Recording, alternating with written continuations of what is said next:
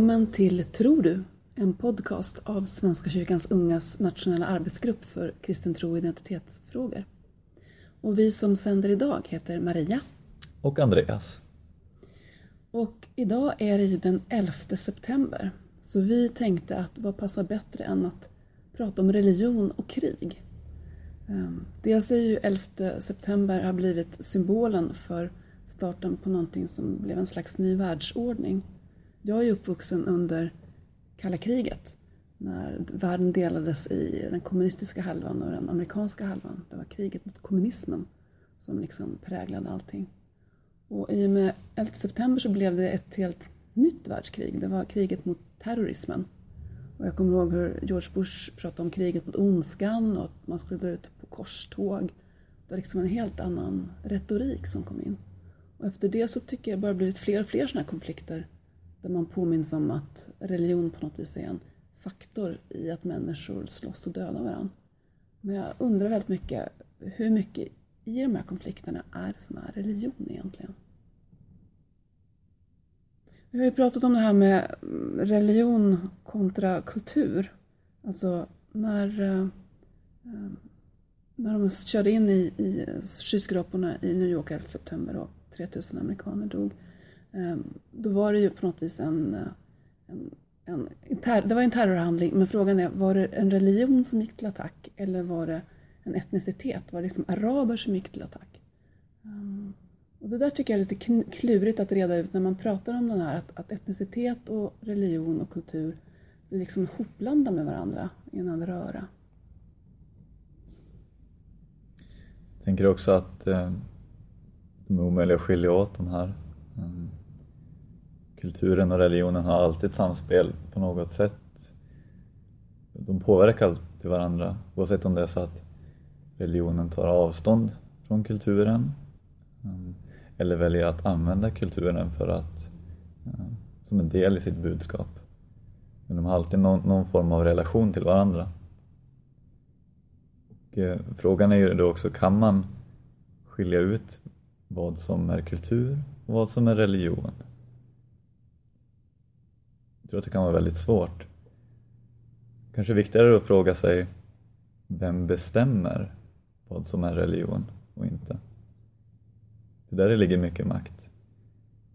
Vi vet ju att religioner och heliga skrifter är aldrig färdiga sanningar som, som inte behöver tolkas utan tvärtom kräver mycket eftertanke och kännande. Och frågan blir då och någon säger att i Bibeln så står det att vi kan gå till krig, att vi har rätt att ta tillbaka det heliga landet till exempel. Mm. Som man ju gjorde under medeltiden här i Europa. Vem, eh, vem är det som har bestämt det? Varför är någons tolkning av Bibeln i det här fallet mer gällande än någon annans? Då tänker jag att det fallet hade vi världslig makt som spelade den. Världslig makt kopplad till institutionen kyrkan. Mm, jag tänker flera saker när du säger det där. Dels handlar det, precis som du säger, om det här med representativitet. Alltså vem är det som är religionens representant?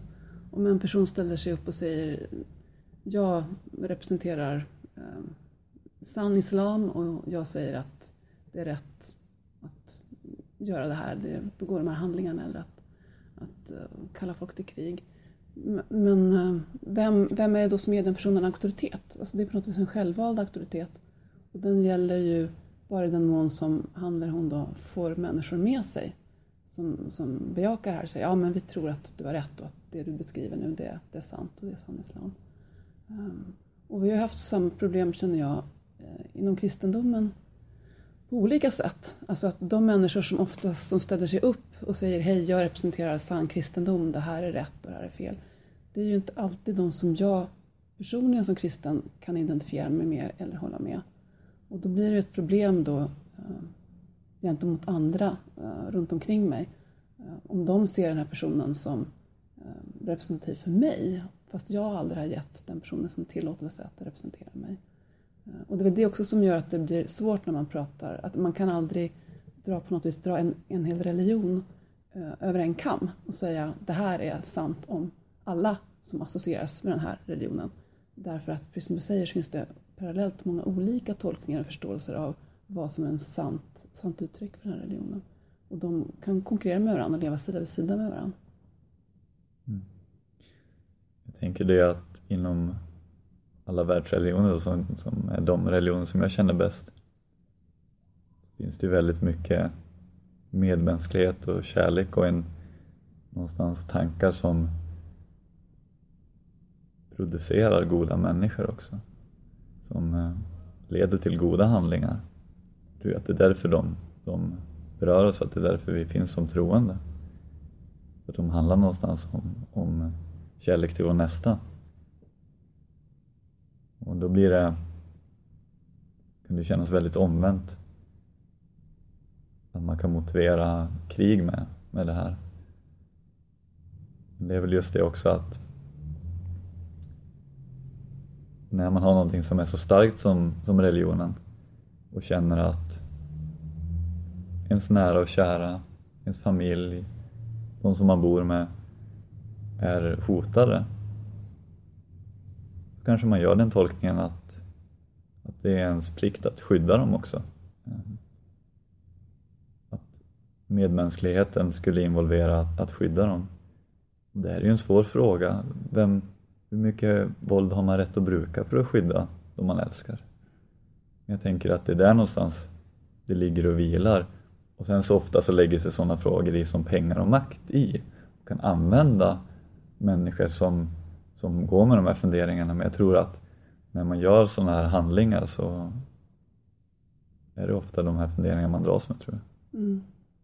Jag tänker att mm, det är ju aldrig religioner i sig själva, alltså idéer eller ideologier i sig själva som startar krig och konflikter utan det är alltid människor som är då bärare av, av de här ideologierna. Och jag tänker också att det räcker nog inte, tror jag, med att man har en ideologi eller en religion eh, för att man ska starta ett krig utan det måste finnas andra saker som du varit inne på.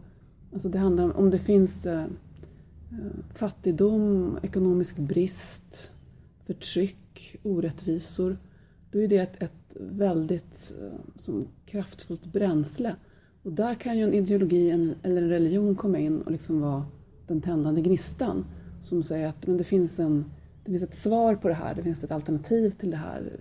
Vi kan, vi kan hitta en lösning om vi gör så här, om vi följer den här vägen.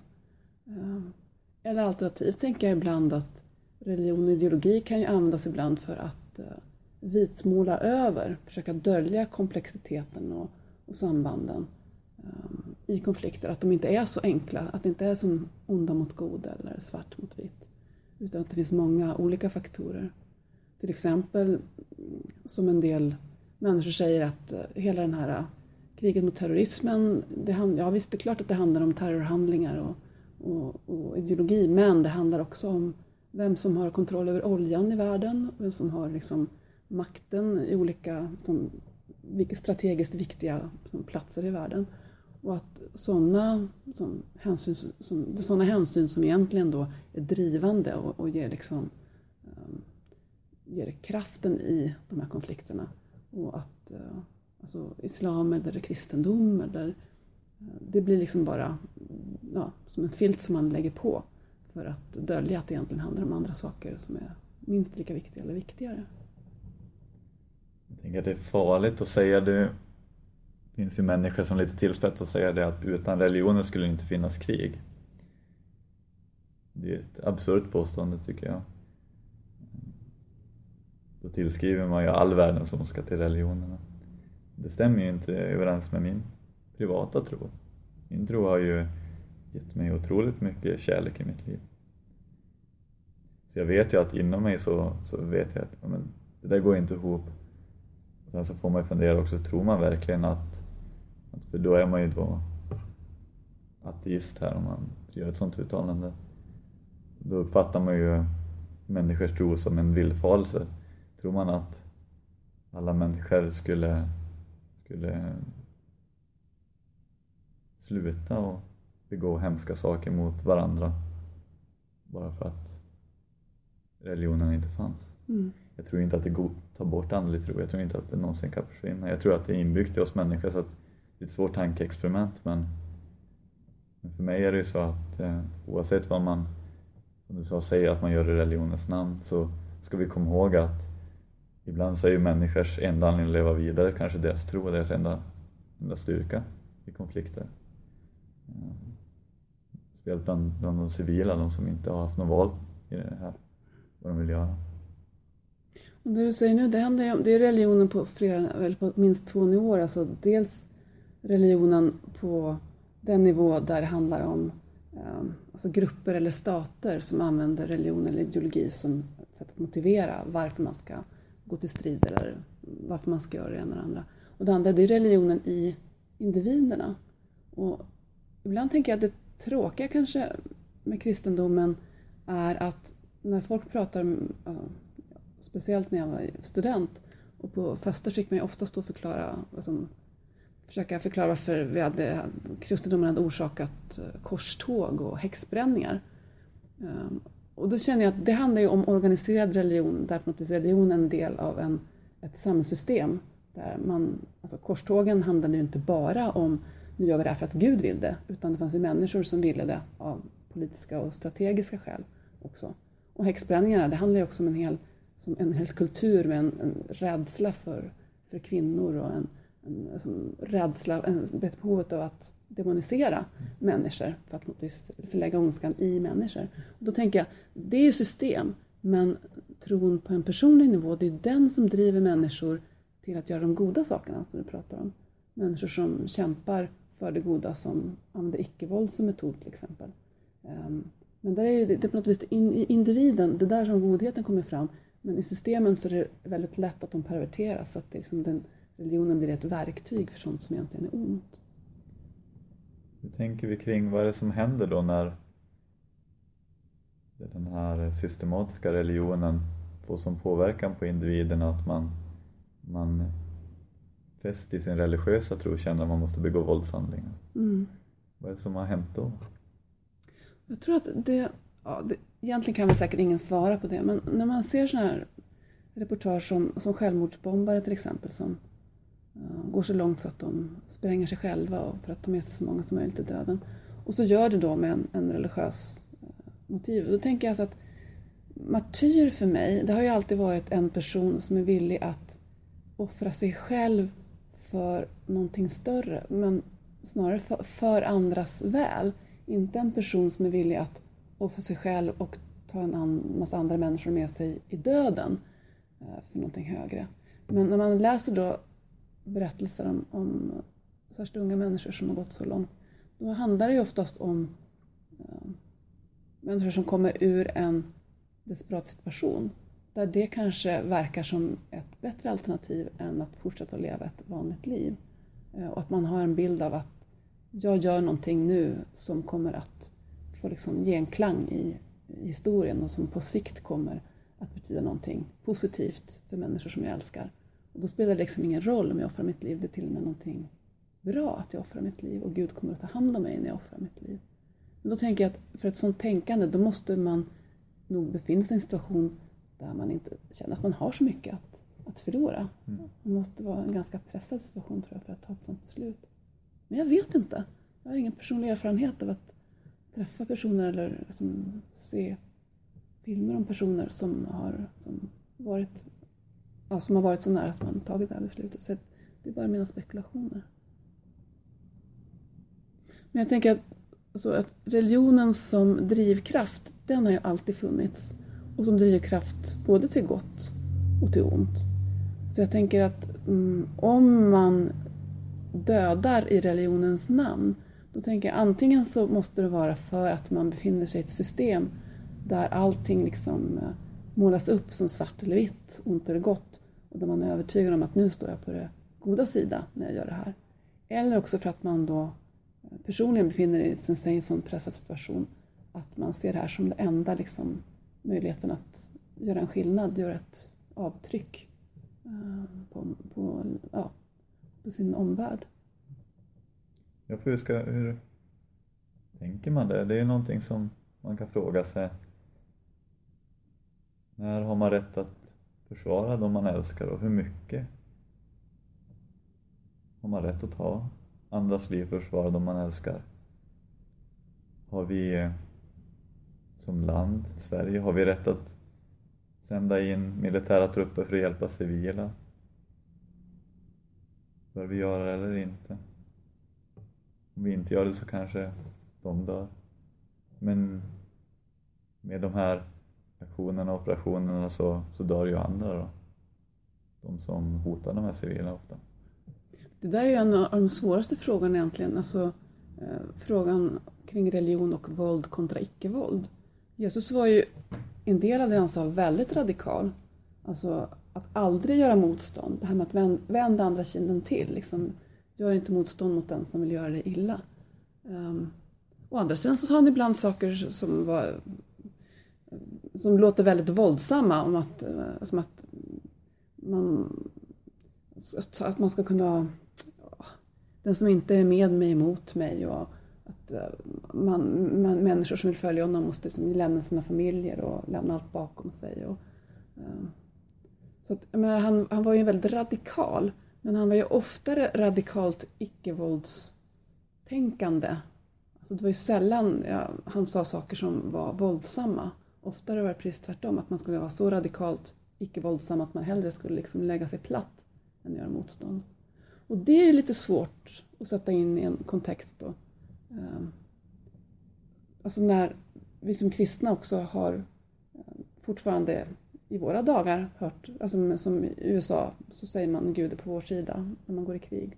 Alltså det är inte bara korstågens tid som man har använt Gud på som i kristna länder. Så då måste man ju fundera över, ja men vad är det som är sant egentligen? Är det så att en som följer Jesus aldrig någonsin får tillgripa våld? Eller är det så att, precis som du säger, det finns tillfällen när man behöver försvara någon som är svagare och då är det okej okay att ta till våld.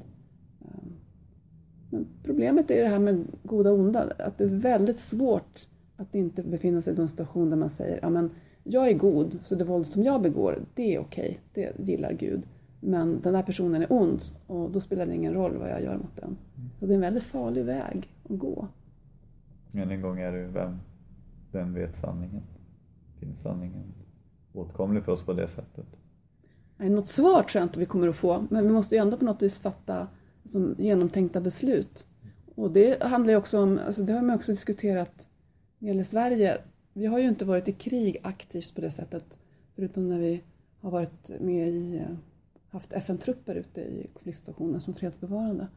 Men vi har ju exporterat vapen länge med stor framgång. Så på det sättet så kan man säga har vi bidragit till krig och konflikter i andra delar av världen. Och det är också en diskussion som man har haft, kristna i Sverige. Är det, är det rätt eller fel? Alltså, det finns ju de som tycker att det här är viktigt för arbetstillfällena. Och så finns det som radikala icke-våldskristna som säger nej det här kan vi inte ställa upp på. Det här måste vi liksom kämpa emot. Ja, ett argument för att ha vapenexport brukar också vara att ska man ha en, en egen vapenproduktion kunna vara, vara självgående när det gäller vapenteknik och inte vara beroende av annat land och få forskningspengar till att kunna hålla jämna steg i utvecklingen så krävs det export hävdar en del då. Där kommer man verkligen på sin, sin spets.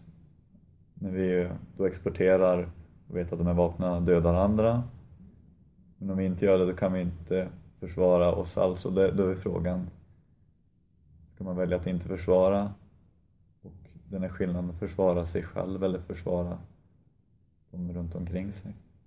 Mm. Det är absolut en svår fråga. Ja. Och de radikala icke-våldstänkarna som, som Gandhi och Martin Luther King, de, har ju, alltså, de säger ju att den som använder sig av våld blir ju en del av våldets spiral antingen man vill eller inte. Alltså hur goda avsikter man än har. Så på något vis bidrar man till mer lidande och mer våld. Och då blir man en del av, av det som man vill bekämpa. Så det var ju deras, alltså deras variant, det var ju ett radikalt icke-våld, alltså vägra att använda våld även om det gick ut över en själv. Men som sagt var, jag kommer ihåg när min man skulle göra lumpen så valde han att göra vapenfri tjänst.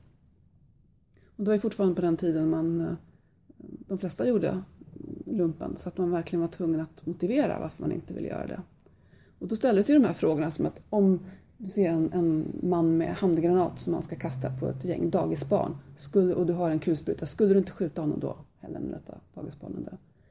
Eh, men det är den här typen av väldigt extrema som stationer där man försöker dra saker till sin spets. De flesta av oss kommer ju aldrig hamna där. Men det är den frågan som, som, som du egentligen ställde. Alltså finns det situationer där vi kanske ändå tycker att det är okej okay att bruka våld även om vi normalt skulle säga nej men jag är för icke-våld. Finns det ändå situationer där vi känner att för någon annans skull, för andras skull, så skulle jag kunna tänka mig gripa till som våld? Det är en del i, i de klassiska etiska frågorna man har ställt sig och där får man också väga in att svaret på den frågan i, i om man tänker systematiskt bör ju också påverka svaret i andra frågor. Om ändamålet helgar medlen där, när har man, har man rätt att göra andra saker? Har man då rätt att offra personer i forskning för att rädda fler? Om man är rätt säker på att ja, men om jag får forska på de här personerna så kommer de dö, men jag kommer kunna rädda hundratusen. Det finns en eh, författare som heter Ursula eh, K. Le Guin, Le Guin, Le Guin jag vet inte hur hon uttalar sig. Hon skriver science fiction eller fantasy. Hon har skrivit en eh, novell som heter De som går, de som vandrar bort från, och så kommer jag inte ihåg det Malafena eller ja, det är i alla fall ett konstruerat namn på en stad. Och den handlar om eh, en så perfekt, ett perfekt samhälle där eh, alla lever i harmoni, alla är lyckliga, eh, det är rättvist, alla har det de behöver. Och så får man veta som besökare i den staden att det finns liksom en förutsättning, en slags förbannelse om säga, över staden. Och så får man följa med till en källare och i den källaren i mörkret så lever ett barn som är liksom helt ensamt, övergivet, fryser, får för lite mat, är liksom, eh, avskydd och liksom utanför all mänsklig gemenskap. Och så länge som det barnet får leva där, i den källan, på de villkoren, då kommer allting annat vara bra. Men om de skulle försöka hjälpa det barnet, då skulle liksom hela samhället desintegrera. Då skulle allt som var bra försvinna med det. Eh, och så, så slutar det liksom att en del tycker det här är hemskt, men de bestämmer sig för ja, men det är ändå värt det att stanna kvar. Men en del står inte ut med att veta om att det där barnet finns och det är de som går därifrån.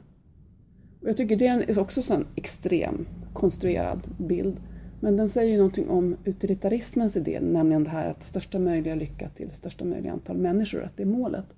Vilket indirekt innebär att lite olycka till, litet antal människor är okej okay, om det betyder att majoriteten ändå har det bra. Mm. Där blir det intressant att fundera på vad, vad Jesus säger om de minsta, som man ofta pratar om. Det är de som är störst i himmelriket, de som kommer in först och vad du än har gjort för mina minsta, det har du också gjort för mig. Vad, vad de tankarna får för påverkan på sådana här typer av etiska system där man är ute efter nyttomaximering. Det... Och det, jag tänker att, jag vet inte om du har sett det men det har gått en serie på TV som heter eh, The Americans som handlar om eh, dubbelagenter, alltså agenter från Ryssland som blir planterade i USA på 50-talet och som ska posera som amerikanska medborgare och leva ett normalt liv i väntan på att deras land vill använda dem för olika liksom, sabotage emot USA inifrån. Ehm, och så utspelar det sig på 80-talet så de har bott där större delen av sina liv och de, det är en man och en kvinna och de har fått barn tillsammans och, och låtsas vara en vanlig amerikansk familj. Men den skiljer också den här som kontrasten mellan um, yttre och inre. Alltså de kommer från en ideologi som är extremt utilitaristisk kan man säga, som har liksom sagt att uh, vi ska organisera upp samhället utan religion och utan liksom, uh, så här västerländska fördomar. Det ska vara rationellt, det ska vara rättvist för alla. Eh, en slags som en ateistisk superstat.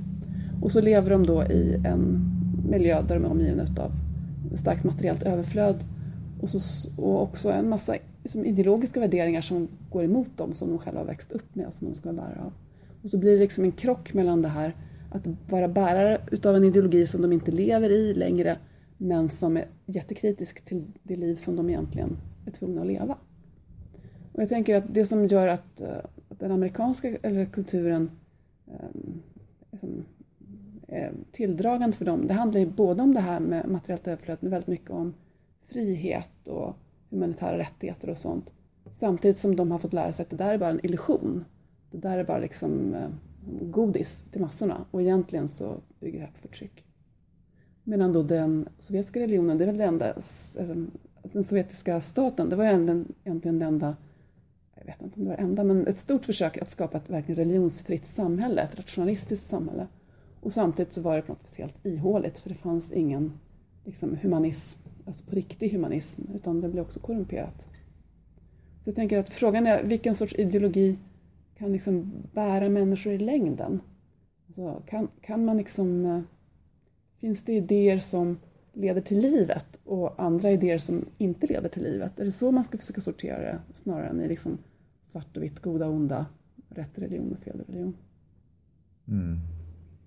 Och det här med relationsmässig etik pratar man också om. Att tänka mer i termer av, av relationer och att våga ta risker för sig själv.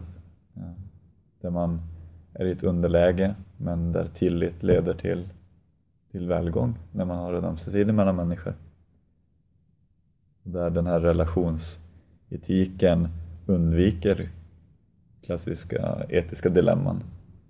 För att man samarbetar med människor och gör uppoffringar för varandra. Därigenom så, så undviker man de här extrema situationerna som man ofta bara kommer till i tankeexempel. Du menar att det som är gott och det som är, liksom, det uppstår i relationerna mellan människor? Mm. Ja men så, absolut.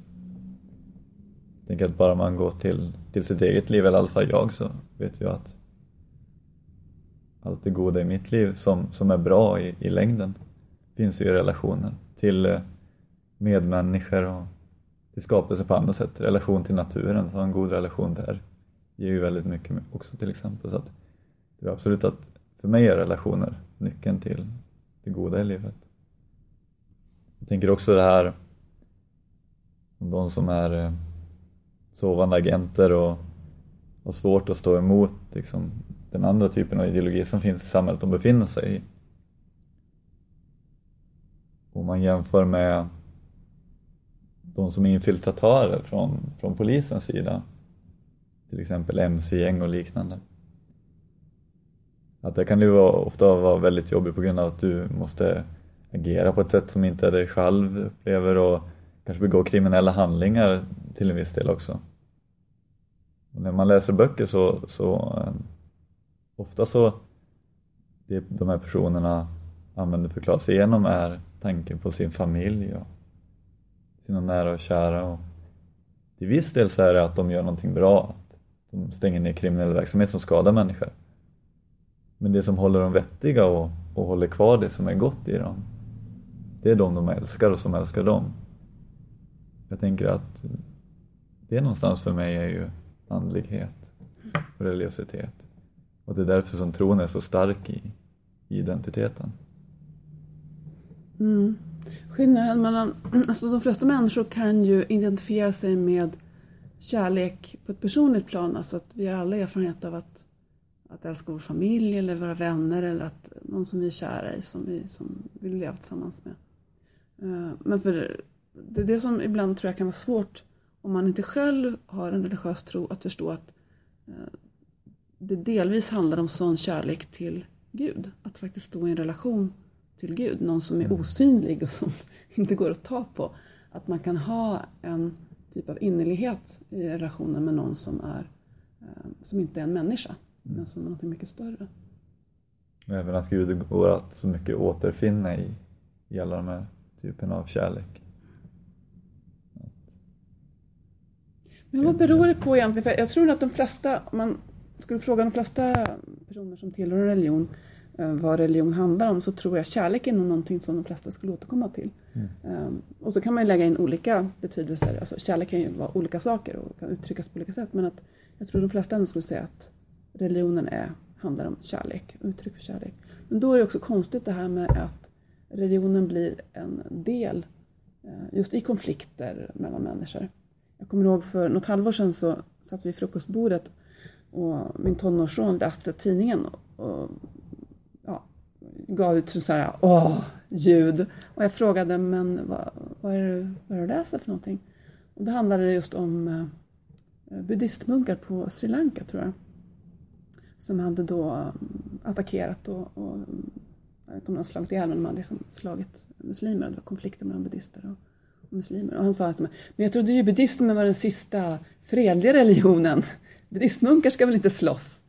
Ehm, och då tänkte jag på det att ja, det är kanske så att vi har, haft, vi har bilder med oss av nu har jag ju i flera år hört det som att islam och jihad och heligt krig och islam är våldsam religion och så vidare.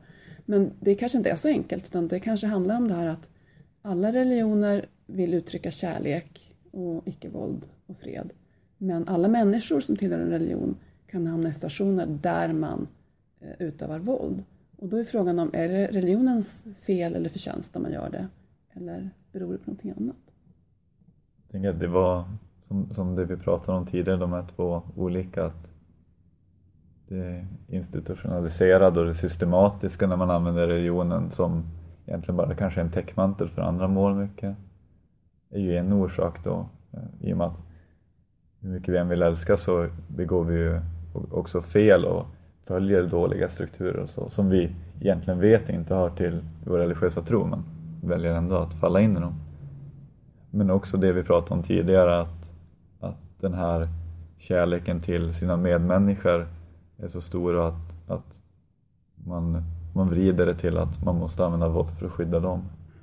Tänker jag på de två planen så, så ligger det nog mycket men sen tror jag att det är väldigt svårt att, att, att avgränsa dem och, och ringa in väldigt precis därför att det har att göra med mänsklig natur och den, den får vi aldrig riktigt koll på. Mm. Den, den är klurig.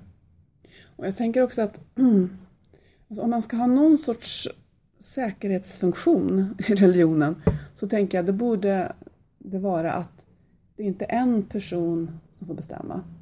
Ehm, jag tänker att fördelen med att koppla ihop demokrati och religion ehm, det är ju att så länge som det, finns, det får finnas flera tolkningar sida vid sida då kan liksom inte en tolkning ta över. Ehm, ofta tänker jag att, att eh, när religion används i konflikter eller i krig så är det oftast att det är en röst som får höras. Det är en sanning som drivs jättehårt. Och den som inte är beredd att ställa upp på det, ja, den kan bli dödad eller som, ja, utesluten på något sätt. Och att så länge som en, en religion har på något vis talat med många röster och lyssnat till många röster, då finns det också en, en möjlighet att, um, att ifrågasätta om någon drar iväg och säger nu ska vi döda de där människorna. Mm. Um, så att på något vis det finns en slags säkerhetsfunktion i eh, icke-auktoritär religion kontra auktoritär religion. Ja, bara det att veta att det finns olika former av sanningar och tolkningar. Tänker jag, för det blir skillnaden där att när man har en enda auktoritet så, så blir det till och med så att det inte är så att din sanning är fel utan det är så att, ens, eller att det, det alternativet är fel. Det, det, det du säger är inte sanning. Det finns inte ens. Sanningen är det här och man kan, kan acceptera att det finns olika former av sanningar för, för oss människor så kommer man ju aldrig dit än. Jag kommer ihåg, det var någon som frågade mig apropå det här med, Eh, ja, med religion och våld. Ehm, hur det kan komma sig att, att mm, kristna, som hon har träffat, träffat kristna i USA, som är eh, abortmotståndare, alltså de vill bevara livet, samtidigt kunde vara förespråkare för dödsstraff. De tyckte att det var inkonsekvent. Om man är för livet då borde man vara liksom, motståndare till all sorts dödande. Ehm, men jag träffade en, en baptistpastor från eh, södra USA som jobbade mot dödsstraffet och jag frågade honom samma sak. Alltså, hur hänger det ihop rent som logiskt? Och då sa han att jo, för de som, som tänker så, det bygger på att man kan göra en distinktion mellan skyldigt liv och oskyldigt liv. Att eh, ett foster i magen är alltid oskyldigt liv per definition och måste alltid skyddas.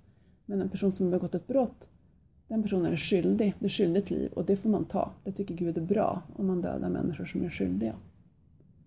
Ehm, och problemet med det tänkandet som jag ser det, det är ju på något vis att man sätter sig i Guds ställe. Att man, eh, jag är den som bestämmer vem det är som är skyldig vem som är oskyldig och vem som ska få leva och vem som ska få dö.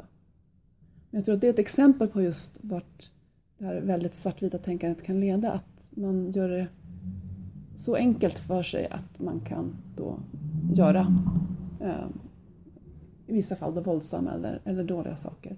Därför att man är så säker på att man har rätt, Mm. att man vet vad som är sanningen. Jag tänkte på en annan en tv-serie som anknyter till det här med 11 september som har gått på tv. Det är Homeland som handlar om en eh, amerikansk soldat som försvinner i Irak, tror jag att det är. Eh, Är borta, förs- försvunnen antas död i många år och sen eh, dyker upp igen. Ehm, de hittar honom och han tas tillbaka till USA och han blir liksom förklarad för krigshjälte. Och så får man så småningom veta då i serien att under den här tiden som han har varit fånge så har han dels blivit torterad och hjärntvättad men han har också eh, gått över, eh, konverterat till islam. Och nu när han återvänder så är det i hemlighet som, också som en sån här eh, sleeper agent, alltså någon som låtsas vara eh, någonting som den inte är, som en dubbelagent fast då för, för islam. Och jag funderade mycket när jag såg den där serien för att det är ju ett väldigt infekterat ämne i USA så att det måste vara svårt att göra en amerikansk serie som, ja, som säger någonting annat än att araber är, är dåliga och amerikaner är goda. Men jag tyckte att det var intressant just hur, hur de eh, skildrade den här soldaten när han kommer hem. Eh, att han har, först har han varit fången i det här eh, i Irak och blivit som, torterad och misshandlad. Och så småningom då fått vänner där som, som han litar på. Och när han var där, då var det först just det här minnet av hans familj. Något det han höll fast vid för att stå ut, för att uthärda. Men nu då när han kommit tillbaka till sin familj, återbördad, då är han på något sätt vis inte samma människa. Och i hemlighet så går han ut i garaget och, och ber sina böner, som sina fem dagliga böner. Um, och försöker liksom utöva sin religion, för det har blivit den som har blivit hans livlina nu. Jag funderar mycket på det där, som om, uh, om man ser som Homeland, skildrar den religionen då som någonting bra eller någonting dåligt? Alltså är det på något vis, har han blivit förstörd av sin tid eh, och sin konvertering eller har han blivit sig själv? Förstår du vad jag menar? Mm. Jag tänker att det får man tolka väldigt mycket för det är inte helt klart. När jag har sett serien så jag tänkte att det är inte tydligt hur mycket han, han gick i kyrkan innan han for iväg och, och hur troende han var innan. Jag tänker att man kan välja att se de här två sakerna lite separat också om man vill. Man kan se det som så att i den här väldigt svåra tiden så kommer han också i kontakt med, med, med sin tro eh, och blir muslim. Och att den, den tron betyder väldigt mycket för honom. Men att sen också de här sakerna som leder till att eh, han vill vara med i den här gruppen som vill utföra terrordåd mot USA. Att de motiveringarna förvisso knyts till hans tro men inte direkt hör, hör hemma där. Man kan välja att eh, se det som att det är två olika delar som påverkar varandra och spelar in med varandra men som att tron ändå är någonting som inte hör ihop med att han ska begå terroristdåd. Mm. Men att den, den blir när han bestämmer sig för det, någonting viktigt därför att det är en så stor del av hans identitet. För att han ska göra det här beror ju också på, på att USA gör drönarattacker mot civila där han är. Och att pojken till ledaren där dör. Så det är ett personligt val också. Det handlar om hans lojalitet och kärlek till de här människorna som drabbas av det. Ja men precis. Och, och det är klart att det kan man ju aldrig frikoppla från ens religiösa tro heller. Men jag tror inte att hans motivation verkar inte vara för islam på Mm. det sättet att han ser att religionen påbjuder det här. Utan däremot så känner han sig tvingad till det på grund av de grymheter som han upplever har begåtts mot de här människorna som, som eh, han har varit hos där efter tortyren. Och det är också intressant för, för att eh, som huvudperson så har han ju, han, han är ju soldat så att han har ju på något vis utövat våld i sitt lands namn tidigare. Och nu är han beredd att utöva våld fast i de här eh, nya människornas, nya män, liksom, vännernas namn istället. Så att det handlar egentligen bara om att en, han skiftar lo lojalitet, det gör han, men samtidigt så han, han byter egentligen inte bana han är fortfarande en våldets man Ja. som han har varit hela tiden. Precis, och de måltavlorna här är ju högt uppsatta politiker och presidenten. Och det är ju, någonstans så frågar serien också det, är det någon skillnad på måltavlorna?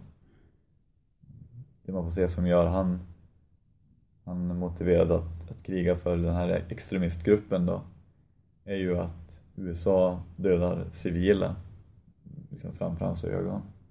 Bland annat. Men också runt omkring. Man får se en annan bild av verkligheten än den som framställs på nyheterna hemma i USA. Och eh, de han dödar är då det vi kallar civila, men civila med mycket makt. Civila som bär upp mycket av landet och en del av de här civila är sådana som har beordrat de här eh, drönarattackerna och liknande. Någonstans frågar serien också vilken sida är mer legitim egentligen. Mm. Jag tänker att det är starkt av en amerikansk producerad serie att ta upp. Att komplicera bilden? Att, att komplicera. Mm. Att, eh, att terrorn som utförs av den här extremistgruppen någonstans anser ju de är befogad. Lika befogad som, som USA anser att deras attacker är. Mm. Att för båda grupperna så handlar det bland annat om att skydda sig själv. Sen har det med intressen att göra men, men, men att det är svårt att säga vem, vem gör mer fel. Mm. Och Jag tänker också att det här anknyter för mig till just historien som en faktor alltså i konflikter. Eh, det finns ju några sådana här väldigt långdragna konflikter som har hållit på länge. Dels tänkte jag på Nordirland, alltså mellan protestanter och katoliker. Som ju går tillbaka ända till medeltiden när England invaderade Irland första gången. Ehm, det finns en lång historia av förtryck mellan två länder där religionen har liksom blivit en faktor. Att protestanterna kom från England, katolikerna var på Irland så blev det liksom en, en sån uppdelning fast det egentligen också handlade om, om etnicitet och om klass naturligtvis också, om fattigdom och ekonomi. Och så, så tänker jag på Israel-Palestina-konflikten som har pågått jättelänge och som också har sin grund i hur, eh, hur landet delades och hur liksom eh, makterna gick in och efter andra världskriget och bestämde nu gör vi så här, nu drar vi upp de här gränserna, ni ska vara där och ni ska vara där. Eh, på ett sätt som sen har liksom fått konsekvenser långt in i vår tid. Och det är, alltså att, att det är svårt att göra sig fri från historien, att historien liksom är en jätteviktig faktor i människors lojaliteter och, och känsla av oförrätter. Och, alltså att det är inte bara jag, utan jag står liksom i en, en lång kontinuitet. Min, min, min mamma och pappa, min morfar. Och det, liksom, det finns en historia bakom som jag känner mig som delaktig och bärare i. Som gör det också mycket svårt att liksom, eh, trassla sig ur det. Det sammanhang som, som individen i sig själva liksom sitter fast i men inte har makt över. Jag tänker att det är så i de största religionerna, i alla de så finns det ofta tal om det här att, att kunna lägga ifrån sig saker kristendomen har vi väldigt tydligt syndabekännelser och att ta emot eh, nattvarden då som är förlåtelsen och det är element som förekommer i olika sätt på, i de stora religionerna. Jag tänker på så sätt så kan de vara en hjälp därför att det krävs att man man släpper, det finns ingen som börjar man räkna så är allas liksom, förfäder skyldiga till brott. Det blir oerhört komplicerat. Någonstans så, så än en gång så måste det handla om relationen idag, i nutid. Hur får vi den bra, tänker jag. Det är den som är, det som är lösningen. Mm. Och då tänker jag ibland att det, det är intressant med ett land som Sverige som inte har, dels inte haft krig på länge, men som också inte på länge har varit så präglat av nationalism. Alltså vi är ju nästan lite skygga för eller rädda för det här med nationalism, att, att slå sig för bröstet och säga att Sverige är bäst och så. Eh, och ibland så, så raljerar man med det och tycker att ah, vi vågar inte ens hissa flaggan. Så. Men ibland tänker jag att det kanske inte är så dumt det här att, att vara skeptisk till nationalism som en grund för, för vi-känsla och, och, stolthet. Jag vet under Balkankriget så kom det hit flyktingar från Sarajevo. och Jag träffade bland annat en man som var eh, väldigt, väldigt upprörd när det skulle byggas en moské i Uppsala. För han menade att vi, alltså vi kommer ihåg vad, vad muslimerna har gjort mot oss, inte bara nu utan i historien. Ehm, slaget vid Trastfälten, alltså det så här, liksom historiska oförrätter som man upplevde liksom att muslimerna har begått. Ehm, så att, och ni förstår inte vad ni gör när ni låter dem bygga moské här, de kommer att mörda er i era sängar. Och då talar han ju utifrån en, alltså en, dels en upplevelse av att ha varit mitt uppe i ett krig i Sarajevo, liksom sett människor eh, som man älskade som dö. Men också utifrån en historisk uppfattning om att vi har rätt och de har fel och de har gjort så här mot oss i århundraden och de bara fortsätter. Och då tänker jag att det kanske är bra att, att ha en liten diffus nationell känsla i Sverige, att, att tänka att ja, det kanske inte är så dumt att ha lättare att identifiera sig med andra än att fastna i ett vi och dem-tänk, att vi är bäst och de är dåliga. Eh, och de vill oss ont och vi är goda. Det kanske, ändå, det kanske är lite, lite svalkande likgiltighet som någon sa i en dikt. Alltså att, att det, det, är inte så dumt ibland. Det kan vara en motmedicin mot att dras med i det här tänket som kan bli väldigt destruktivt. Mm. Ja absolut, för det är frågan man ska ställa sig varför är det någon som bor 400 mil från mig mindre med en människa än den som bor granne med mig eller den som bor tusen mil ifrån mig. Det är... Medmänniskor är vi ju allihopa över hela världen. Alla har vi frågor i livet. Mindre saker eller större saker men någonstans att vara människa involverar ju alla de här känslorna av frustration och kamp och oavsett om kampen ser olika ut. Jag tänker att allt som, som hindrar oss från att känna solidaritet och gemenskap gör det också svårare för oss att leva med varandra sen. Sen tänker jag att på en del sätt så är vi ändå lite nationalistiska fast i smyg, vi vill inte riktigt säga det. Vi tänker ofta lite grann att men Sverige är rätt bra, vi, vi har så bra sociala skyddsnät och vi, vi är duktiga och demokratiska och vi, vi tycker nog att vi är rätt bra ändå. Vi, vi är lite oroliga för andra kulturer ändå. Vi försöker säga att ja men kolla vi, vi har massa saker som inte kommer härifrån från början. Vad man nu menar med det för det beror på hur långt tillbaka man går. Men, men samtidigt så, så tycker vi att det vi har det är väl bra va? Ja, vårt sätt är bäst. Lite grann så är det ändå. Det, det är intressant det där. Ja, och det, är ju, det du säger nu, det handlar ju om det här med att man kan ha en, en omedveten, jag vet inte om man ska säga nationalism, eller chauvinism i alla fall, en, en, en slags självbelåtenhet i det att det som att vara som jag är, det är nog bäst. Mm. Och ha det som jag har det, det är nog något som vore bra för alla. Det tror jag. Och det är nog så jättebra om man får syn på det. Att man inte låtsas att man är mer ödmjuk och accepterande än vad man egentligen är. För jag tror precis som du säger att det finns också mycket rädsla i oss mot det som kommer utifrån eller det som är annorlunda. Ehm, men samtidigt, det som jag tycker är skönt, det är att jag kan inte någon gång komma ihåg att någon har liksom...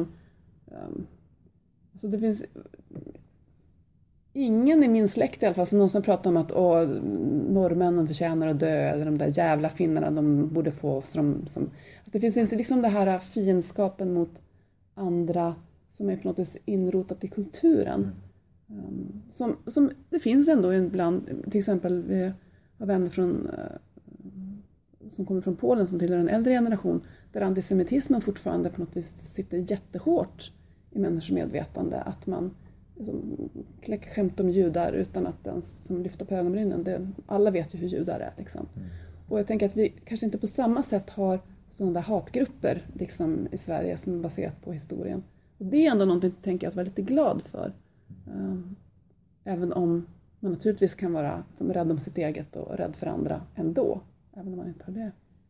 Jag tänker här är det också värt att fundera på just den här komplicerade förhållandet mellan religion och kultur och enhetssamhälle och liknande, speciellt när det gäller muslimer och islam, som ju ändå är en fråga som, som är uppe nu. Det här vilka termer man bör använda. En del använder termen kulturell muslim. Men vad menar man med det? Oftast menar man ju någon då som har, har sina rötter i en kultur som har formats i ett islamiskt enhetssamhälle, alltså där den dominerande religionen och kanske den enda tillåtna är islam. Det betyder inte nödvändigtvis att, att de ens är troende och här blir det problematiskt. Liksom, ja, säger man muslim så tänker jag på någon som tror på islam. Då. Och här är ett typiskt exempel på hur man kultur och religion knyts samman väldigt, väldigt hårt. Det här har ju varit ett kristet enhetssamhälle. Hela Europa var kristna enhetssamhälle men det är ju ett tag sedan nu. Det är inte på samma sätt så. Det är väldigt svåra saker att vara och rota i men man måste ändå fundera. Jag tror att det är viktigt att inse att det är en, det är en komplicerad bild av hur religiös tro, kultur, värderingar och normer hänger ihop och hur de kan ta sig olika uttryck och även hur uttrycken ibland kan tyckas skilja sig åt men om man tittar närmare så, så har vi även liknande på hemmaplan. Hederskultur till exempel är ju någonting som, som Koranen går hårt emot. Eh, för det var ett problem eh, i, i, i där och på arabiska halvön så var det väldigt mycket så. Eh, bland stammarna så fanns det mycket hederskultur och det var ju därför som när islam kom så var det ju ganska revolutionerande och nytt att, att Gud säger att sådana här saker ska inte förekomma. Samtidigt så är det många som, när man tänker på, på folk som kommer från muslimska ensamhällen så tänker man väldigt mycket på hederskultur. Och det är frågan, kommer det då från religionen eller kommer från andra strukturer? Mm. Kommer det från förtryckande kvinnostrukturer kanske snarare är en fundering? Och inse att har vi hederskultur? Det måste man ju definitivt säga att det finns ett exempel på även i Europa. Alltså hederskultur, som man tänker men som eh, Sicilien, alltså Syditalien, även in på 1900-talet finns en sån spår av sån hederskultur, alltså att eh, kvinnan på något vis tillhör mannen. Mm. Och det finns ju den spåren av den sortens kvinnoförtryck finns ju även i Norden, även i Sverige. Ja, även om vi har kämpat emot den. Jag tänker att det här bilden av att pappan måste gå och köpa vapen när dottern blir tonåring är någon form av hederskultur också. Ja, precis. Och så den här bilden som från USA att, att föräldrar ska skydda sin dotters, mm. pappan ska skydda sin dotters heder. Liksom. Precis.